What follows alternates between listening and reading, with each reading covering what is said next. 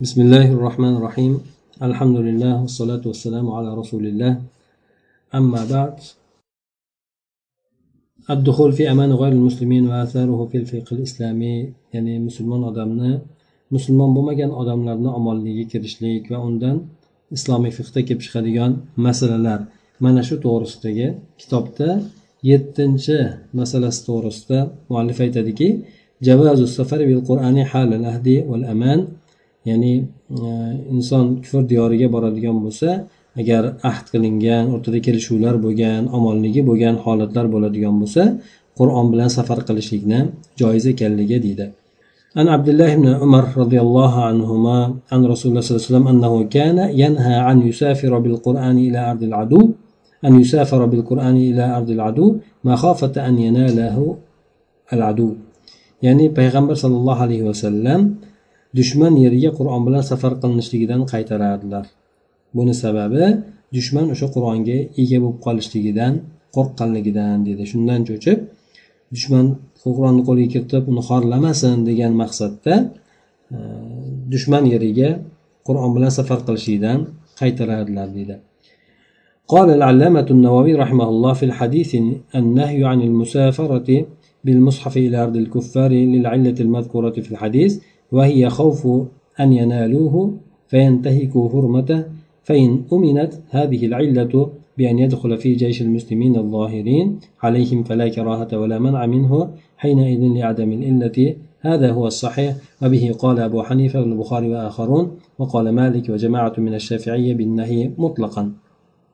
وقال السرخسي رحمه الله وإن دخل إليهم مسلم بأمان فلا بأس بأن يدخل معه مصحف إذا كانوا قوما يوفون بالعهد لأن الظاهر هو الأمن من تعرض العدو لما في يده فأما إذا كان ربما لا يوفون بالعهد فلا ينبغي له أن يحمل المصحف مع نفسه إذا دخل دارهم بأمان.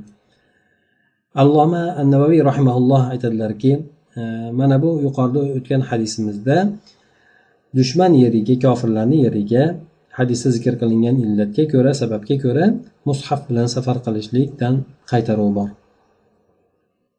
Bu sabab illati dushmanlar u qur'onni qo'liga kiritib qolishligidan bo'lgan xavfsirashlikdir. Bas ular keyin keyin qur'onni hurmatini poymol qilib qo'yishadi behurmat qilib qo'yishadi. Agar mana shu sababdan xotirjam bo'linadigan bo'lsa ya'ni musulmonlar Э, g'olib bo'lgan musulmonlarni askarni ichida kirishlik bilan dushman yeriga bunda e, karohiyat bo'lmaydi.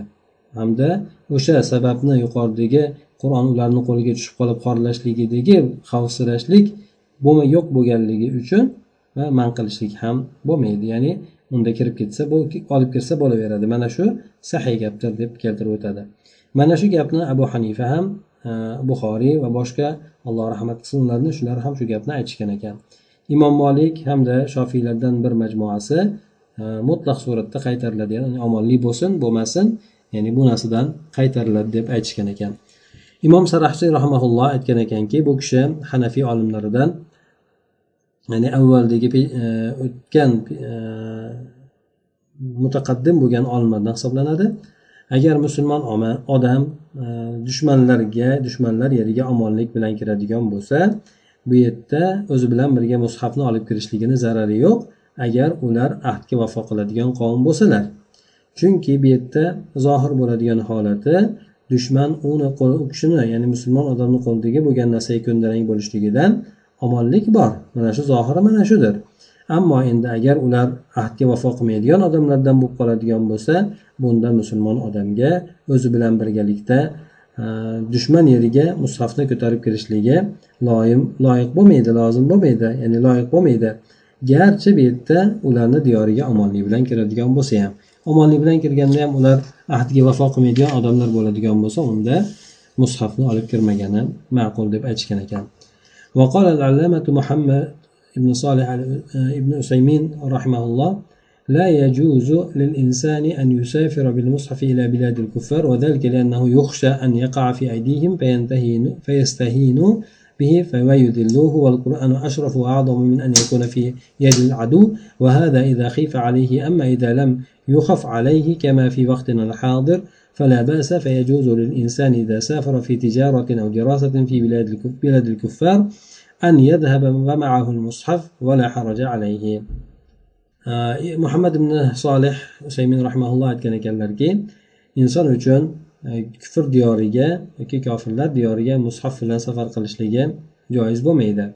Bu narsa albatta u ularni qo'llariga tushib qolib keyin ularni xorlashligi hamda e, hurmatini poymol qilishligidan qo'rqilinganligi sabablidir. Qur'on esa ular dushmanni qo'liga tushib qolishligidan ko'ra buyukroq hamda sharafliroq obro'liroq. Bu esa agar o'sha qur'onni ustida mana shu narsalar qo'rqilinadigan bo'lsa agar endi bu narsalardan xotirjam bo'linadigan bo'lsa ya'ni ularni qo'liga tushmaydi ular unaqa e, poymol qilmaydi hurmatini xuddi bizni hozirgi vaqtimizdagi kabi bo'ladigan bo'lsa bunda zarari yo'q. Chunki inson uchun bunday holatlarda masalan tijorat maqsadida yoki o'qish maqsadida kufr diyorlariga safar qiladigan bo'lsa o'zi bilan birgalikda mushafni olib ketishligini e, joiz bo'laveradi zarari yo'qdir. Bu narsada deb aytgan ekan. O'rinda aytgan ekanki la ba'sa an yahmil al insan al qur'ana ila biladin غير إسلامية لأن أهل العلم إنما ذكر بعضهم تحريم السفر بالقرآن إلى دار الحرب التي يخشى أن يستولي هؤلاء الأعداء على هذا المصحف فيهينوه وأما بلاد بينها وبين بلدك معاهدة كما هو الجاري المعروف الآن بين الدول فإنه لا حرج أن يستصحب الإنسان كتاب الله ليقرأ به وليقرأ غيره من المسلمين هناك فيحصل النفع للجميع yana usaymin rahmaulloh aytgan ekanki inson islomiy bo'lmagan diyorlarga qur'onni ko'tarib borishligida zarari yo'q chunki ahli ilmlarni ba'zilari doril harbga ya'ni kofirlar diyoriga qur'onni bilan safar qilishlikni harom ekanligini zikr qilishgan bular shu diyorlar ya'ni o'sha dushmanlar bu mushafga egallab mushafni egallab olishadida qo'lga kiritib olishadida keyin keyin xorlashadi. Mana shu narsalardan qo'rqilinganligi holatida bular harom deb aytishgan. Ammo endi e, o'sha davlatlar bir kofir diyorlari bilan seni shaharing davlating o'rtasida hozirgi paytda ma'ruf bo'lgani kabi e, o'zaro kelishuvlar bo'ladigan bo'lsa bunday bo'lgan holatda inson allohni kitobini o'zi bilan birga olib borishligini zarari yo'q. Chunki o'zi ham o'qiydi bilan undan boshqa musulmonlar ham undan o'qiydi. Ana o'sha bilan manfaat barcha uchun hosil bo'ladi deb aytgan ekan. وهذا الحكم مبني على تحقيق المصلحة ودر المفسدة وتخرج عليه مسائل كثيرة تتعلق بواقع وجود المسلمين في بلاد غير إسلامية منها إقامة الجمعة والجماعات والأعياد وبناء المساجد والمدارس وتأسيس الجمعيات والمراكز وترجمة الكتب وطباعتها وتوزيعها وغير ذلك من النشاطات الإسلامية mana bu hukmga mana bu hukm ya'ni qur'onni qolib borishlik bo'lishligi bo'lmasligi hukmi asosan qanday manfaatni ro'yobga chiqariladi yoki qanday zararlar bo'ladi yoki zararlarni oldini olishlik mana shu narsalarga asoslangandir manfaatni ro'yobga chiqarib zararni oldini olishlik mana shu narsaga asoslangandir bunda mana shu hukmimizga ko'plab masalalar kelib chiqadi keyin Bu hozirgi paytda islomiy bo'lmagan diyorlarda yashayotgan musulmonlarni voqeasiga aloqador bo'ladigan. Bularni jumlasidan jumalarni o'qish juma namozlari o'qishlik e, jamoat namozlarini qilishlik hayit namozlarini o'qishlik masjidlar qurishlik madrasalar qurishlik yana har xil jamiyatlar yoki islomiy markazlar qurishlik e, kitoblarni tarjima qilishlik u yerda ularni taba qilib bosishlik tarqatishlik. Mana shunga o'xshagan ko'p narsalar hozirgi paytda o'sha diyorlardagi musulmonlarni voqeasiga aloqador bo'ladi. Bundan boshqa yana islomiy faoliyatlar deb aytib o'tadi. Demak e, bu e, bu masalani keltirishligidan sabab avvalda olimlar o'sha qur'on dushmanni qo'lida qattiq dushmanni adovati bo'lganligi uchun e, xorlangan bu narsa g'olibroq narsa bo'lganligi uchun bu narsadan qaytarilgan. Agar omonlik bo'lmaydigan bo'lsa mushafni yoqqa olib borishlik ya'ni musulmon odamni ko'zini o'ngida mushafni yana xorlanishligi bu narsa e, yaxshi taassurot ham qoldirmaydi yaxshi ham amal emas. Ana shuning uchun aslida o'sha tomonlarga mushafni ko'tarib safar qilishlikdan qaytarilgan ekan. O'zi aslida avvallari mushaf unaqa ko'p darajada musulmonlarda bo'lmagan ham. Lekin hozirgi paytlarda bu narsa aksar holatlarda demak e, musulmon odam ko'tarib borishligi mumkin. Uni qo'lidagi bo'lgan narsalar bilan ko'proq ishi yo'q. E, lekin ba'zi o'rinlarda qur'onni xorlanishligi mana aytaylik qur'onni yoqib yuborilishligi aslida yoqib yuborilishligi e, uni xorlanishligi emas lekin uni tashlab yuborishlik xorlanishligi bo'ladi yoki bo'lmasa uni kamsitishlik uni e, oyatlarni masxara qilishlik mana shu narsalar qur'onni kamsitishligi ko'proq dalolat qiladi. Lekin bu narsalar nodir holatda sodir bo'ladigan shuning uchun yana bundan tashqari kufr diyorlarida ko'plab balki millionlab musulmonlar yashayapti. Albatta ular uchun mushaf zarur. Shuni o'shalarni mushaf ularga tarqatishlik ularga tapa qilib chopishlik. Demak ular zarurati bo'lgandan keyin u joylarga olib boriladi. E, nodir holatda sodir bo'ladigan narsalar esa e, bu aslida insonda hojat ehtiyoj qattiq bo'lgan o'rinlarda e'tibor olinmaydi.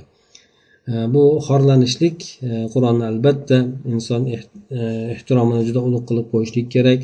E, hatto ko'targanda ham inson e, qo'lini pastga qilib ko'tarmasdan yuqori qilib ko'tarib yurishligi o'ziga yarasha hurmatlarini qur'onni joyiga qo'yishligi albatta musulmondan talab qilinadi.